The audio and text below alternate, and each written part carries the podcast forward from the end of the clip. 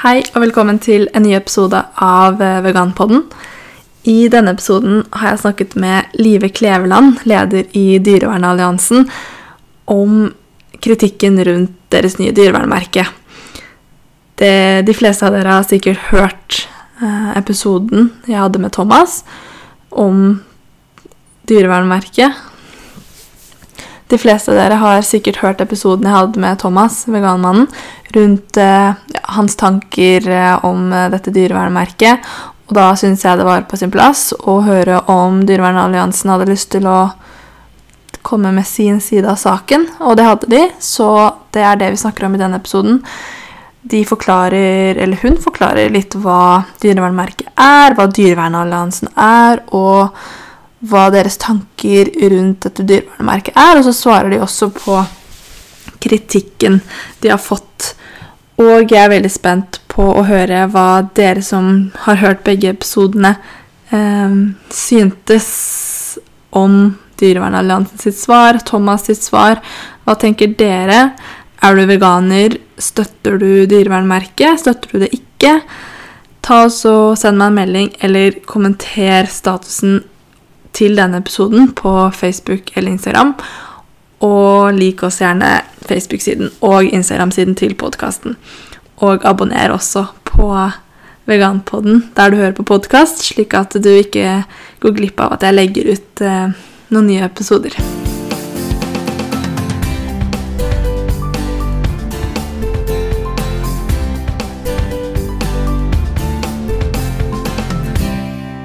Jeg heter Live Kleveland, og jeg er kommunikasjonsleder i Dyrevernalliansen. Eh, Jeg er jurist, og jeg har jobbet med dyrevern i ja, nå blir det faktisk godt over 20 år. Mm. Så jeg eh, jeg har alltid vært kjempeglad i dyr, så planen var vel egentlig å bli dyrlege. Og alle ble overrasket da jeg ikke ble dyrlege. Det var fordi at en eldre venninne ble det. Og den gangen så måtte du ha praksis et halvt år før du begynte på studiet. Så var jeg med henne på den praksisen hun hadde, og hun hadde praksis på en pelsdyrfarm. Ah. Eh, Så etter å ha vært med henne en dag på pelsdyrfarmen med minker og rever, så var det helt klart for meg at jeg kan ikke bli veterinær hvis det er sånn det er vet, å være veterinær. Så da tenkte jeg at disse dyrene her, de trenger ikke en lege, de trenger en advokat. Og så ble det juss på meg. Eh, og på jussen så er det jo ikke noe fokus på dyrevern. Eh, nå i dag så går det an faktisk å ta kurs i dyrevernrett på Universitetet i Oslo. Jeg har undervist der selv, oh, så det er kjempegøy. Men den gangen så var jo ikke det et eget tema engang. Så eh, der engasjerte jeg meg i menneskerettighetsarbeid og var med i Amnestys eh, studentgruppe. Og eh, ja, Det høres helt forferdelig ut, men jeg var i torturgruppa og jobbet for å stoppe tortur av fanger i fengsler. Ja, det er viktig. Eh, og det var det som brakte meg tilbake til dyrevern, fordi eh, jeg jobbet med en rapport om tortur av fanger i tyrkiske og kinesiske fengsler, og så sto det da i en bisetning at disse torturapparatene, elektriske torturapparatene de er egentlig utviklet til bruk på dyreslakterier. Ja. Eh, og da ble jeg veldig nysgjerrig og lurte på om dette var i bruk i Norge òg. Og den gangen så fantes det jo ikke noe lovdata. Man måtte bestille forskrifter fra departementet eller universitetet. Så det gjorde jeg. Eh, bestilte alle forskriftene til daværende dyrevernlov og leste meg opp og så at ja, det er jo lov i Norge. Men det er regulert hvor på kroppen støtene kan gis, hvor sterke støtene kan være, hvor langvarige de kan være. Eh, alt dette her er regulert. Og da meldte jeg meg inn i Dyrebeskyttelsen og begynte å jobbe frivillig for dem ved siden av studiet mitt. Eh, og så fikk jeg tilbud om jobb der og begynte jobb dagen etter muntlig. Og så var jeg tre år i Dyrebeskyttelsen. Eh, og etterpå det så var jeg med på å starte Dyrevernalliansen i 2001 sammen med Anton Krag, som også har vært med på å starte NOA i sin tid. Så Dyrevernalliansen ble startet som et tillegg til andre dyrevernorganisasjoner eh, for å jobbe for å hjelpe dyrene som trenger det aller mest i intensiv eh, husdyrhold. Eh, så vi jobber ikke med å hjelpe familiedyr, f.eks., sånn som Dyrebeskyttelsen gjør en kjempegod jobb på. Mm. og jeg er fortsatt medlem hos dem og syns at det er viktig. Eh, og vi jobber ikke med f.eks. å arrangere fakkeltog, sånn som NOAH gjør en kjempejobb på. Jeg heier på fakkeltogene deres og syns det er en bra ting å gjøre. Men vi gjør helt andre ting. Um, for eksempel så jobber vi nå med å lage økonomiske beregninger for avviklingen av pelsdyroppdrettet. Mm. Så vi jobber nok med mange ting som virker kjedelige, og som har vanskelig å på en måte få, få grep og forstå helt utenfra, Mm. men som kan endre systemene som undertrykker dyr. Mm.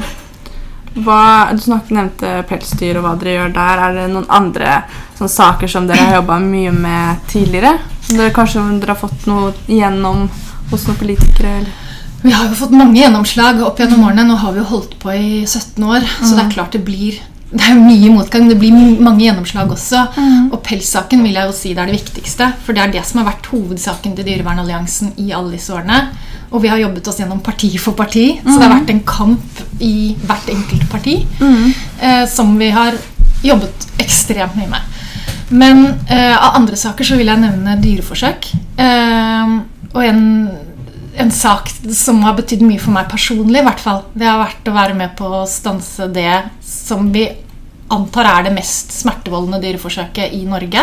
Mm. det er testing av algetoksiner. Okay. mange spiser blåskjell, og de skjellene kan være giftige. Og for å sjekke om de er giftige, så har det vært vanlig å eh, putte en liten bit av de blåskjellene inn i forsøksdyr, i mus. Eh, og det høres jo ille nok ut i seg selv, men det er verre enn som så. fordi at For å blande ut det skjellekstraktet så bruker man eh, en væske som er eh, syre, syrevæske. Så det kan sammenlignes med å få pumpet eh, et par liter eddik rett ned i magesekken Ja. med sprøyte. Eh, det er forferdelig for dyrene, uavhengig av om det er giftig eller ikke, det blåskjellet de også får putta inni seg. Hvis det er giftig, så har det fremkalt indre blødninger, blødninger gjennom kroppsåpninger og kramper. Forferdelig. Kostet 4000 dyr i Norge smerte, lidelse og død frem til vi klarte å få et forbud mot dette. Uh, og det gikk i mange steg. Det var flere forskjellige tester. Uh, og, og det tok flere år før vi klarte å få et totalforbud mot denne rutinemessige testmetoden i Norge, og fikk erstattet det med kjemiske tester som faktisk gir bedre resultat. Altså De gir sikrere og tryggere resultat enn dyrene. Men det beste, det beste skjønner du, det er at disse testene har dermed blitt avviklet i resten av EU også. Fordi vi fikk frem dette resultatet i Norge, så er det eh, mange titusener av dyr eh, 30 000 dyr i året som blir reddet fra dyreforsøk. Og det er en viktig seier. ja, det er kjempebra. Ja. Så, men det er bare et eksempel. Og, og, men det understreker jo litt av måten vi jobber på. At vi jobber trutt og jevnt. og så tar det kanskje noen år før vi kommer i mål, men vi jobber skrittvis. Ja. Og nå eh, har dere kommet ut med et eh, dyrevernmerke. Og det er litt derfor jeg har spurt om å kunne prate med deg i dag. For det, det har jo blitt litt kritikk rundt det, som dere sikkert forventa.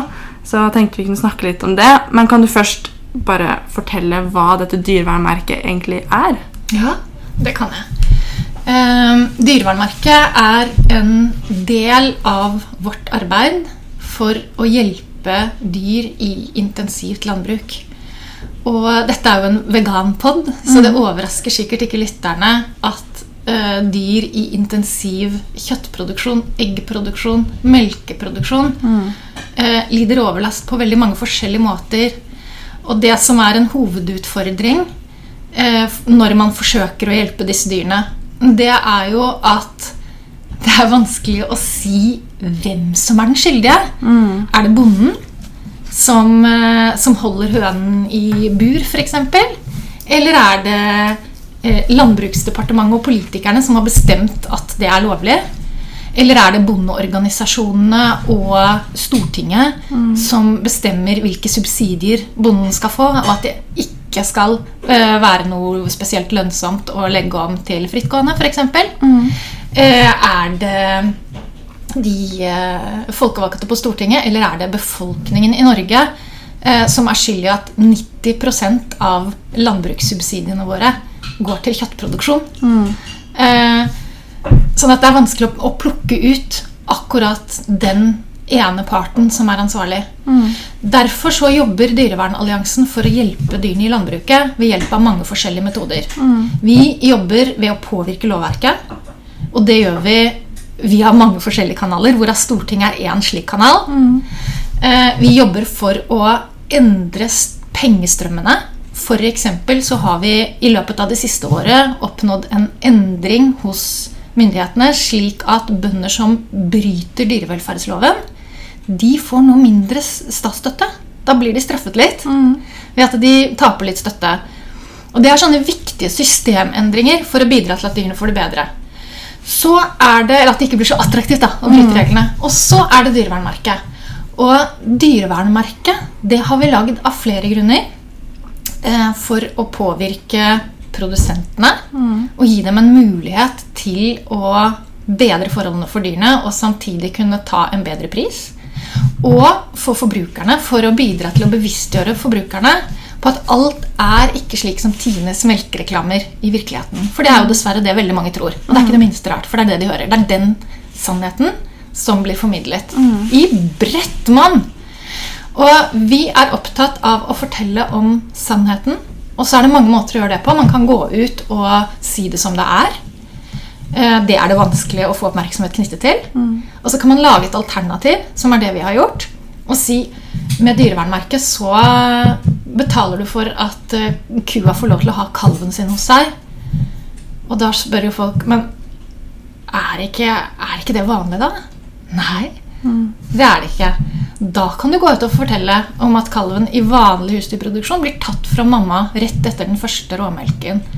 Sånn at vi bruker dyrevernmerket til å få frem informasjon til forbrukerne på en positiv måte, og til å gi forbrukere som ønsker å betale litt mer, en mulighet til å kunne gjøre det. Eh, og samtidig så påvirker vi som sagt eh, tilbyderne, både bøndene og dagligvarekjedene, som nå får mulighet, i hvert fall, til å kunne velge å selge noe annet enn produkter fra bulkproduksjon. Med minimumsvilkår. Ehm, det har jo kommet en del kritikk. Var det noe dere var eller som dere forventet? Ja, det er selvfølgelig klart. Vi forventer alltid kritikk for det vi gjør.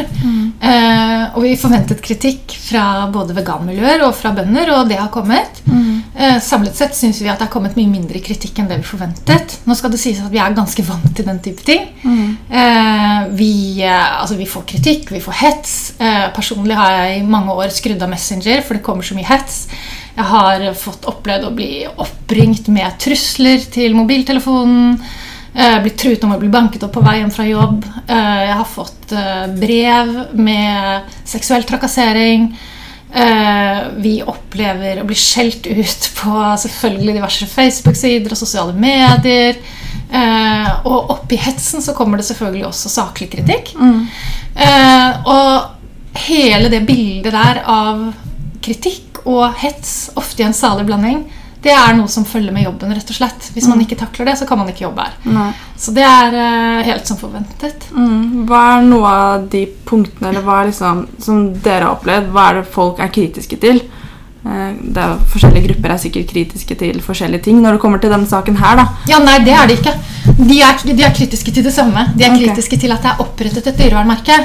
Og det er det jo noen bønder som er kritiske til, fordi de opplever det som en kritikk av sin egen produksjon. Eh, og så er det noen veganske miljøer som er kritiske til det fordi de opplever det som en promotering av kjøtt. Mm. og begge deler er selvfølgelig helt forventet. Eh, nå er det slik at Vi har jo selvfølgelig gjort en grundig, et grundig forarbeid for dette. her. Det er jo ikke sånn at vi bare lanserer et dyrevernmerke og, og ser hvordan det går uten å vite noe på forhånd om hvordan det virker i andre land. Eh, det finnes store og veletablerte dyrevernmerker i flere andre land, bl.a. i England, i Nederland, i Danmark, i USA, i Tyskland. Eh, så vi har en god dialog med dyrevernmerkene der. Eh, og vi vet mye om hvordan de har påvirket markedet, og hvordan de har påvirket etterspørselen.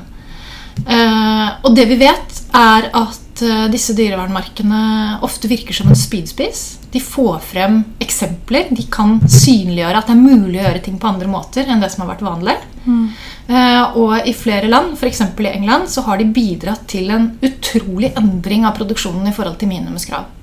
Det er ikke gitt at uh, forholdene i England og Norge eller Nederland og Norge eller Danmark og Norge er direkte sammenlignbare. For det er mange spesielle forhold knyttet til norsk landbruk.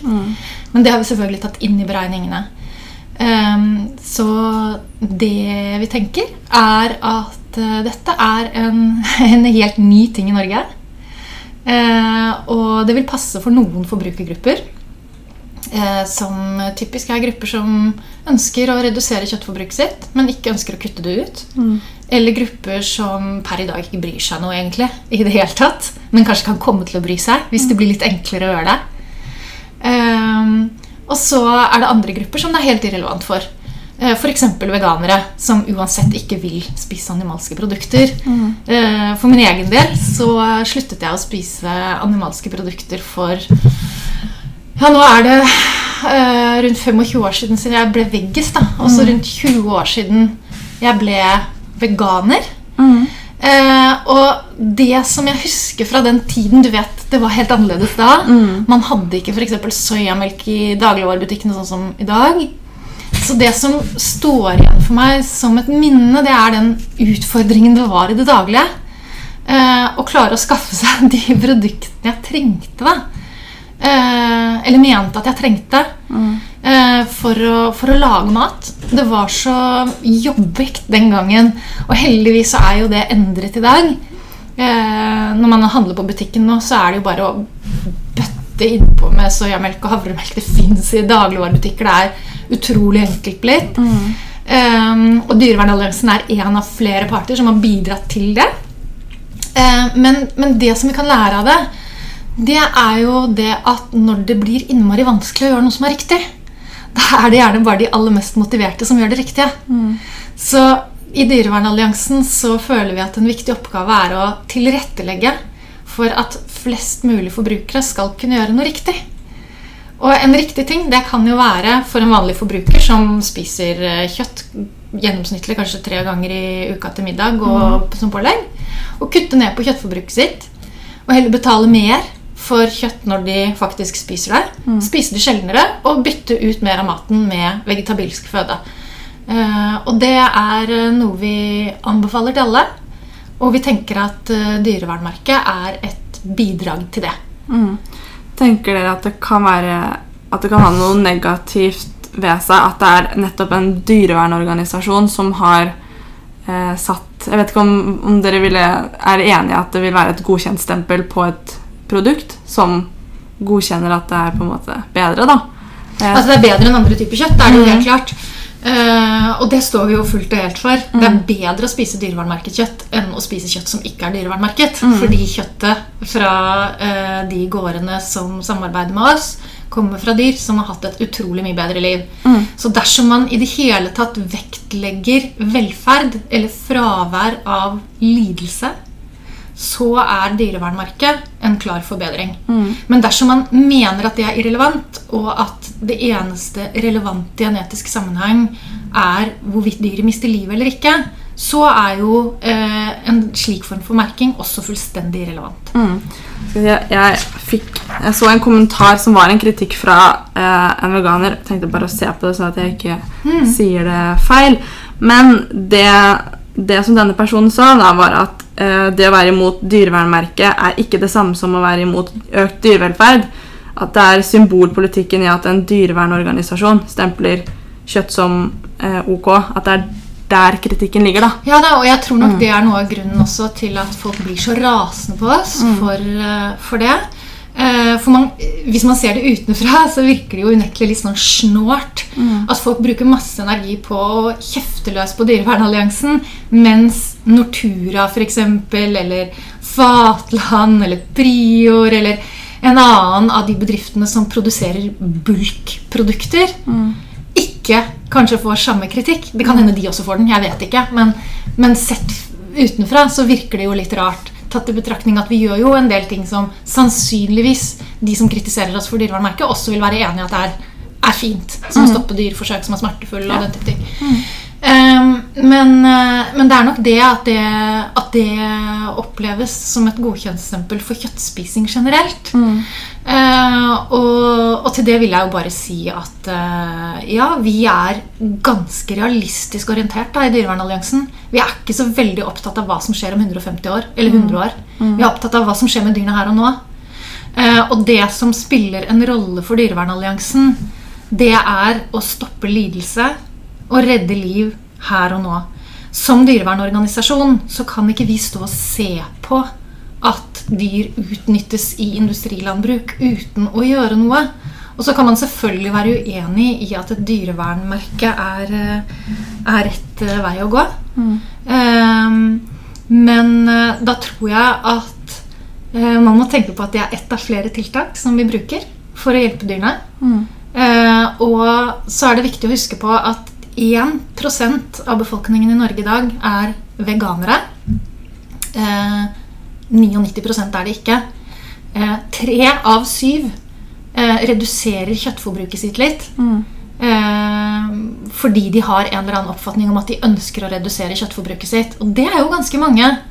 Og det tyder jo på at det er et marked der ute for eh, produkter som kan bidra nettopp videre i en sånn utvikling. At man trapper litt ned på kjøttforbruket sitt. Man betaler heller litt mer for kvalitet.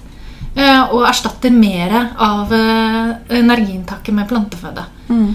Tror du at eh, dyrevernmerket kan føre til at de som de som på en måte har vurdert å kanskje kutte ut eller kutte ned kraftig, nå tenker at men en dyrevernorganisasjon sier at det er greit, eller at, det er, ja, at disse typer produktene er eh, bedre å kjøpe, at de da vil eh, velge et dyrevernmerket kjøttprodukt eller dyreprodukt istedenfor et plantebasert alternativ? Fremfor alt, Foreløpig så finnes det jo ikke så mange produkter i handelen at det er, det er et reelt valg ennå. Men man kan jo spekulere på om det kan bli en tenkelig løsning. løsning. Det tror vi absolutt ikke. Fordi Dyrevernalliansen er utrolig tydelig på at alle må redusere kjøttforbruket sitt. Eh, og vi er tydelige på at dersom du spiser kjøtt, så bør du velge kjøtt eh, fra dyr som har hatt et bedre liv. Men spørsmålet er jo da, hvis vi skal si det, hva skal vi anbefale folk å spise? Hvis de ikke vil bli veganere, og det er det jo da dessverre 99% av befolkningen som per i dag i hvert fall ikke vil. Hvis de vil det i fremtiden, så fint, men per i dag vil de ikke det.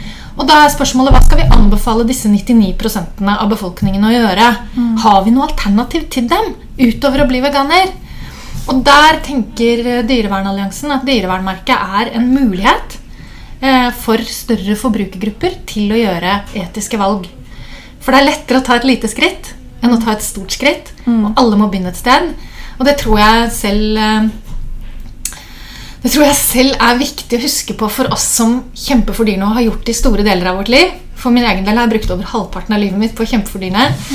Eh, og det har vært så utrolig mange våknetter, og det har vært så utrolig mye arbeid. Og det har vært så det har vært sånne sinnssyke arbeidsmengder i år etter år etter år som jeg tror mange dyrevernere kjenner på. Det er en følelse som jeg tror vi har felles med andre grupper som kjemper veldig for en sak, f.eks. miljø.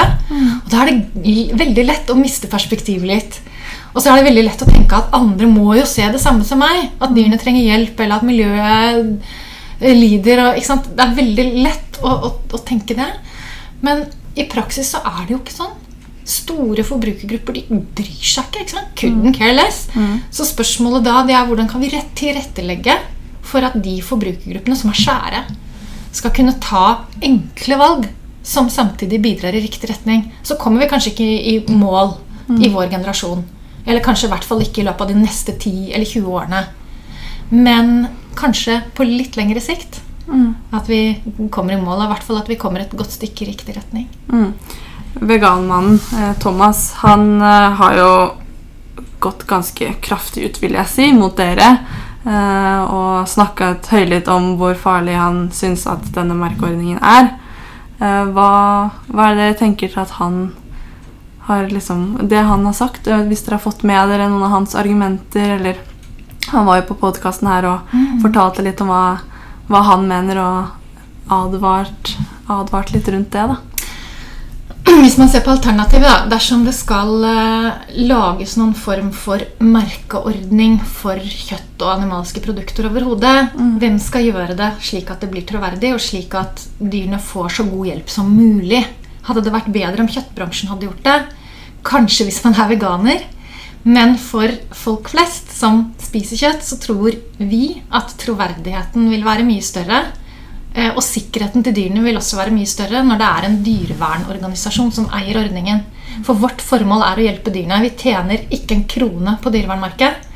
Vi går i tap med det per i dag, men målet er at det skal være selvfinansierende på sikt.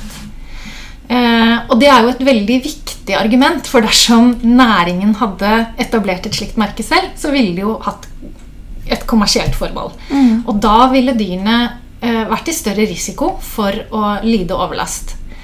Um, nei, jeg tenker vel at eh, når slik kritikk kommer, så er det ventet Når det gjelder denne eh, Thomas Olsen, han har jo aldri støttet oss. Sånn at det er ikke noe overraskende at han fortsatt ikke gjør det. Det er ikke at han trekker støtte. Han har aldri han har, han har kjeftet på oss før, så det er ikke så overraskende. Men, men bortsett fra det så tenker jo jeg mer at uh, jeg vil ikke være med på det å, å kritisere andre dyrevernere, som i hvert fall jeg oppfatter som dyrevernere, for hva de gjør eller hva de sier. Jeg tenker det er helt greit at vi blir kritisert. Uh, det får vi leve med som en ganske stor dyrevernorganisasjon etter hvert. Vi heier frem alle som gjør noe for å hjelpe dyr. Eh, om det innebærer å kritisere oss, ok, da får vi leve med det. Vi har, vi har levd med verre kritikk og verre hets enn det eh, vi får fra veganmiljøene. Eh, det er ofte personlig kritikk, det er ofte personlig hets. Og, og det blir jo litt sånn som den podkasten han hadde hos deg, hvor han sauser litt sammen eh, litt rykter og litt misforståelser og litt eh, saklig kritikk og litt eh, mye forskjellig blir sauset sammen i en stor curry. Og Jeg skal ikke gå inn og kommentere det direkte, for det tror jeg ikke bringer oss noe særlig videre. Men jeg vil bare si at Dyrevernalliansen syns det er flott at det fins private initiativer som hjelper dyr. Om det er med å dele oppskrifter eller blogge eller lage podkaster, eller hva det er, så er det kjempefint. Det er bra at vi alle ikke gjør det samme, fordi dyrene trenger jo mange stemmer, og de trenger mye hjelp. Eh, Så én ting vil i hvert fall være naivt, og det er å tro at én eneste metode skal være en quick fix for alle dyr. Sånn er det ikke. Det tror jeg man alle vil forstå. Det fins ikke noen quick fix på den eh, lidelsen som dyr utsettes for i vårt samfunn. Det er mange strategier som må til. Det er mange mennesker. Så det er fint at flere kommer til. Eh, og ellers så vil jeg jo si at hvis noen har eh, kritikk mot oss, føler seg dårlig behandlet, hva det måtte være, så vil jeg jo forutsette at de kommer til oss selv og tar det opp på en ordentlig måte. Eh, for det må vi kunne forvente eh, at man gjør. Eh, jeg kjenner meg ikke igjen i, eh, i den kritikken som er kommet fra Veganmannen. Men hvis noen skulle ha noe å utsette, så er dette her ved en åpen invitasjon. Kom til meg. Jeg er kommunikasjonsleder for Dyrevernalliansen, og jeg tar gjerne imot den type innspill hvis de kommer på en ordentlig måte. En av de tingene han sa, det er jo at uh, han mener at dette setter uh, kampen bak i tid. At vi på en måte hopper noen år bak i tid, og at det på en måte ødelegger litt det grunnlaget som man har prøvd å legge uh, ved å prate om, eh, om bruken av dyr. Da. Eh, og at de er individer som, som ikke fortjener å, å bli brukt, eh, uansett om de blir brukt på en god måte eller en dårlig måte. Eh, tenker du at dyrevernmerket er med på å på en måte hoppe oss et par år bak i tid, eller frem i tid, eller Tiden vil jo vise hvordan det har virket. Det vi kan si er at I andre land hvor man har etablert tilsvarende dyrevernmerker, så har det bidratt til en vesentlig forbedring for mange dyr. Og det har også vært en inspirasjon for eh, konvensjonell produksjon i de landene. Og det har bidratt til å utdanne forbrukerne. Eh, Der har vi en særlig utfordring i Norge, fordi norske forbrukere skiller seg fra europeiske forbrukere i undersøkelser ved at de har større tiltro til myndighetene og er mindre kritiske enn forbrukere i andre land. Så eh, Dyrevernalliansen tror selvfølgelig at dyrevernmerket vil bidra til å fremme dyrenes sak på sikt. Eh, men vi respekterer at andre har ulike meninger om det. Det er helt ok. Og, og den bevegelsen vi har sett de siste årene med sant, veganblogger og vegetarfestival Det er jo kjempefint i et dyrevernperspektiv. Fordi at en intensiv kjøttproduksjon og stor produksjon av kjøtt, den vil på ulike måter være negativ for dyrevelferden. Og så kan man være uenig om målet. Noen vil si at målet er en vegansk fremtid. Andre vil si at eh, det er en fremtid med husdyrhold. Dyrevernalliansen tar ikke noe stilling til den type fremtidige og hypotetiske problemstillinger fordi vi er så utrolig realitetsorientert på hva som skjer her og nå. Men det er fint at andre har andre perspektiver. Det er fint at andre diskuterer filosofien rundt på andre måter enn det vi gjør. Fordi vi er så opptatt av å løse konkrete problemer og på systemnivå. Sånn at når, også når vi merker at vi får denne kritikken, da, så er jo den ofte veldig vinkla på forbrukere. Hva vil forbrukeren si? Uh, og det, det blir jo fra vår side av saken veldig snevert. Fordi vi snakker jo ikke bare om forbrukerne. Hvis man kun skal tro på forbrukeren som et middel til å endre eh, konsum, så er jo det en veldig eh, altså Basert på en veldig konservativ, eh, liberalistisk eh, grunnholdning politisk, for det første. Men for det andre så er det veldig snevert. Så da tenker jeg at dyrene taper masse støtte. fordi vi må jo bruke andre eh, veier til mål også. Vi må bruke eh, tilbudssiden også for å påvirke for dyrene. Vi må bruke lovverk. Vi må bruke subsidier og pengestøtte og prisstøtte. Mm. sånn at det er veldig mange veier inn. Og Dyrevernalliansen jobber med alle de veiene inn til målet, som er å hjelpe dyrene. Eh, og forbrukeren er én brikke i det spillet. Så, så jeg tenker at eh, det gjelder å, å ha flere tanker i hodet samtidig. Og, og tenke også at dyrene først og fremst fortjener mange sjanser. Jeg tenker det, de, de fortjener at mange hjelper dem. Ehm, vi er veldig mange som har lyst til å hjelpe dem, men vi har ofte ulike oppfatninger. Og i mitt arbeid med næringsliv og politikk så merker jeg ofte det. Mm. at de politikerne vi jobber med, f.eks., de, eh, de spiser som regel kjøtt. De eh, eh, har kanskje helt andre oppfatninger om oss enn oss om eh, pels eller om forsøksdyr, eller hva det måtte være, men kanskje de vil hjelpe til med å få etablert et dyrepoliti. Kanskje de vil hjelpe til med Uh, ja, en forskriftsendring som hjelper en del dyr. Sett at de vil hjelpe til med dyrepoliti. da. Skulle vi avvise dem fordi de spiser kjøtt, er de dermed ikke dyrevernere nok til å hjelpe til å få et dyrepoliti på plass? Da taper jo dyrene støtte.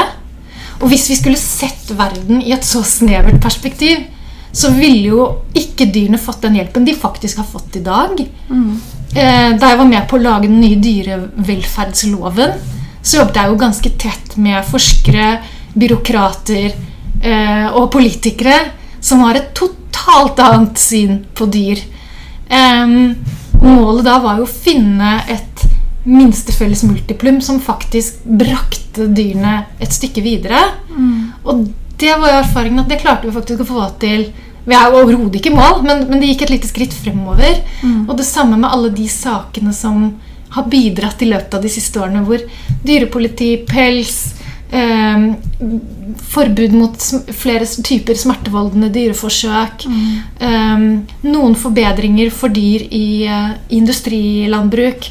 Eh, For første gang så ser vi nå at kjøttforbruket faktisk stagnerer og går litt grann tilbake eh, i Norge. Sånn at det kommer jo endringer, men vi må akseptere at veldig mange av de som bidrar til endringene, de enten bryr seg ikke om dyr, de bryr seg om helt andre ting som tilfeldigvis fører til det samme. Eller så bryr de seg om en dyr, men ikke på samme måte som deg, eller ikke på samme måte som meg. Det er mange meninger. Ja. Eh, tenker du at en dyrevernsorganisasjon sin på en måte oppgave, eller en av mange oppgaver, burde være å vise hvor lett det er med eh, alternativer som ikke er dyreprodukter? da? Ja, absolutt. Og derfor bidrar vi selvfølgelig til det. Vi har eh, lagd en vegetarguide eh, med oversikt over kjøtterstatninger. Og nå driver vi og vurderer om vi skal utvide den til å omfatte flere typer erstatninger, som på melk, på ost, på, eh, på andre produkter også. Eh, eller om vi skal lage noe helt annet. Men i hvert fall har den blitt kjempepopulær. Den er trykket opp i hvor mange tusen eksemplarer var det? Nå har jeg glemt i hodet, men det er kjempemange. Eh, og vi har spredd den vidt og bredt. Eh, og det er et, eh, et sånt tiltak eh, som kanskje ikke syns så godt, men, eh, men som vi har tro på at skal bidra, og som vi også får tilbakemelding på fra dagligvarekjedene, som vi har en dialog med, at de merker en etterspørselsøkning på denne type produkter. Nå tror jeg ikke vår vegetarguide er den eneste svaret på hvorfor det. Det er jo selvfølgelig mange grunner til det, men det er ett av flere bidrag. Eh, som også synliggjør at det, det er egentlig ganske enkelt å bytte ut eh, ja, om det er tacofarsen eh, fra kjøtt til plantebasert, eller hva det måtte være. Ja. Så, så er det ikke så veldig mye som skal til. Nei, det, det har jo blitt nevnt, og jeg vet jo ikke om dette stemmer. Jeg vet ikke om du har lyst til å avkrefte eller bekrefte, eh, men at eh, dere tidligere, eller kanskje nå, eh, har et sånn ikke-veganske sjokolader og sånn på stand, og kanskje serverer kake som er eh, Ja, det kan jeg kommentere! Ja, Kake kan jeg kommentere. gjerne. Ja, kaker er jo Det er jo helt ja, jeg, jeg, Unnskyld at jeg ler. Men ja, det stemmer at vi har eh, så sent som i vinter gitt en eh, økologisk, eh, ikke-vegansk kake til Stortinget. Og det har vi fått kritikk for. Og jeg skjønner i ettertid at vi har fått kritikken, fordi jeg skjønner at en sånn kake blir sett på som et symbol. Problemet er bare det at i det øyeblikket vi plutselig trenger ei sånn kake, så er det som regel under et døgn til vi skal overrekke den til de politikerne det gjelder, og vi trenger mye kake. I dette tilfellet så trengte vi tre kaker til 40 personer per kake, så 120 personer skulle ha kake i løpet av under et døgn. Og da få produsert en sånn kake fort, det er faktisk en utfordring. Uh, nå er vi i dialog med en Nei, flere. Det er to forskjellige veganske kakebakere som vi håper at skal kunne levere oss denne type kaker så fort. Vegansk. Det ville være helt supert. Veldig bra. Eh, og, og jeg ser som sagt symbolverdien i det, men bakgrunnen for at det har blitt gjort som det har gjort, og det er jeg som har bestilt dem, bare for å si det, det er at vi da har trengt det veldig fort. eh, og det har vært i typisk ekstremt tekniske perioder med 14 timers arbeidsdager for oss her på kontoret. Jeg baker gjerne veganske kaker privat. I helgen så koser jeg meg med det. Men eh, etter en 14 timers arbeidsdag hvor jeg gjerne har møtt fire forskjellige stortingspolitikere og blitt intervjuet av to-tre forskjellige aviser, eh, og kanskje vært en tur på direkten eh, i en eller annen radiosending også, så klarer jeg ikke å fikse en sånn kake til 120 personer på natta. Eh, og det er grunnen til at vi Uh, har bestilt kaker. Og jeg har ikke tenkt over, for å være helt ærlig Ja, Jeg har ikke det. tenkt over hvilken symbolverdi det har hatt. Men når jeg har fått det forklart, så skjønner jeg det. Så der prøver vi å finne en bedre løsning for fremtida. Så bra. Så, så det, det håper vi skal bidra. Uh, men ja, en kake virker liksom så lite når du, når du jobber med kjempestore summer. Som vi jobber med en sak med, Det er snakk om kompensasjon til pelsdyrnæringen på over 400 millioner kroner. Ikke sant? Det, er, det er sånne enorme saker, eh, og det er så mye arbeid knytta til det. Det er så tungt faglig. Det er så omfattende politisk. Så blir en kake midt oppi det så lite. Men jeg ser som sagt at vi må gjøre noe der, så vi håper å finne en løsning. Ja, ja men det, det er jeg glad for. Eh, ja. Ehm, og så til slutt, da, så var det en annen kommentar som jeg fikk høre, eh, som, som for meg gir mening, og, og jeg bare lurer på hva, hva dere tenker rundt det. Ehm, for et poeng det var at eh, under kampen for kvinners stemmerett så fantes det sånn antisuffragetter som kjempet mot stemmeretten og heller for bedre forhold da, for kvinnen hjemme. Eh, og nå, ikke sant, i lys av historien, så ser vi jo at de på en måte jobbet sånn direkte mot kvinners rettigheter ved å ikke jobbe for at de skulle få stemmerett. Så i Norge nå, og det merker jeg selv også når jeg prater med folk, så gjemmer folk seg bak det at man ikke trenger å være veganer fordi at dyrene har det bra i Norge. Eh, Så når dyrevernere da setter godkjentstempel på drepte dyr, hvordan kan dere da være sikre på at dere ikke ødelegger for dyrene på lang sikt? er jo et spørsmål da. Ja, Det er et veldig spennende spørsmål. Jeg er utrolig opptatt av kvinnekampen. Eh, som jeg har fulgt lenge. Eh, I kvinnekampen så var det mange grupperinger eh, historisk. Både i Norge og i andre land. Eh, det var de som kjempet for eh, stemmerett. Mm. så var det de som kjempet mot stemmerett. Og så blant dem igjen var det undergrupperinger. Blant de som kjempet for stemmerett, så var det to forskjellige hovedgrupperinger i Norge. Det var de som var veldig radikale og gikk ganske så hardt på. Og så var det de mer eh, skal vi si pragmatiske, eh, som, eh, som jobbet med andre metoder. Eh, og det var den sistnevnte grupperingen som til slutt fikk gjennomslag for stemmeretten. Det var et langt slag. Eh, og jeg vil ikke si i dag at det er så lett å sitte og dømme hvem som, hvem som var den viktigste kraften. Jeg tror at i en eh, kamp for rettigheter hos en gruppe eh, så trengs mange forskjellige grupperinger fordi det er et komplekst og sammensatt problem, og fordi du også påvirker flere forskjellige målgrupper. Eh, Og det gjelder kvinnekampen, det gjelder kampen for dyrs rettigheter, uavhengig av hvor man mener den bør ende, om man mener den bør ende i et vegansk samfunn eller ikke. Mm. Det har gjeldt eh, kampen for farvedes rettigheter, det har, eh, gjelder i miljøkampen.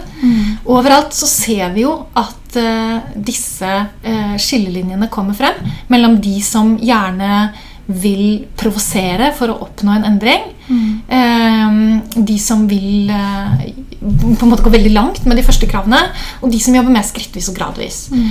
det er en kjent eh, skillelinje i nesten alle protestgrupper. Eh, og det skal jo bli interessant å se om eh, dyrevernsaken utvikler seg etter de samme linjene som vi har sett at f.eks. kvinnekampen har gjort, og kampen for farvedes rettigheter har gjort. Eh, dersom den gjør det, så vil vi jo i ettertid kunne konstatere at den sannsynligvis har vært en trappetrinnsutvikling. Eh, hvor ulike grupper har bidratt med ulike elementer.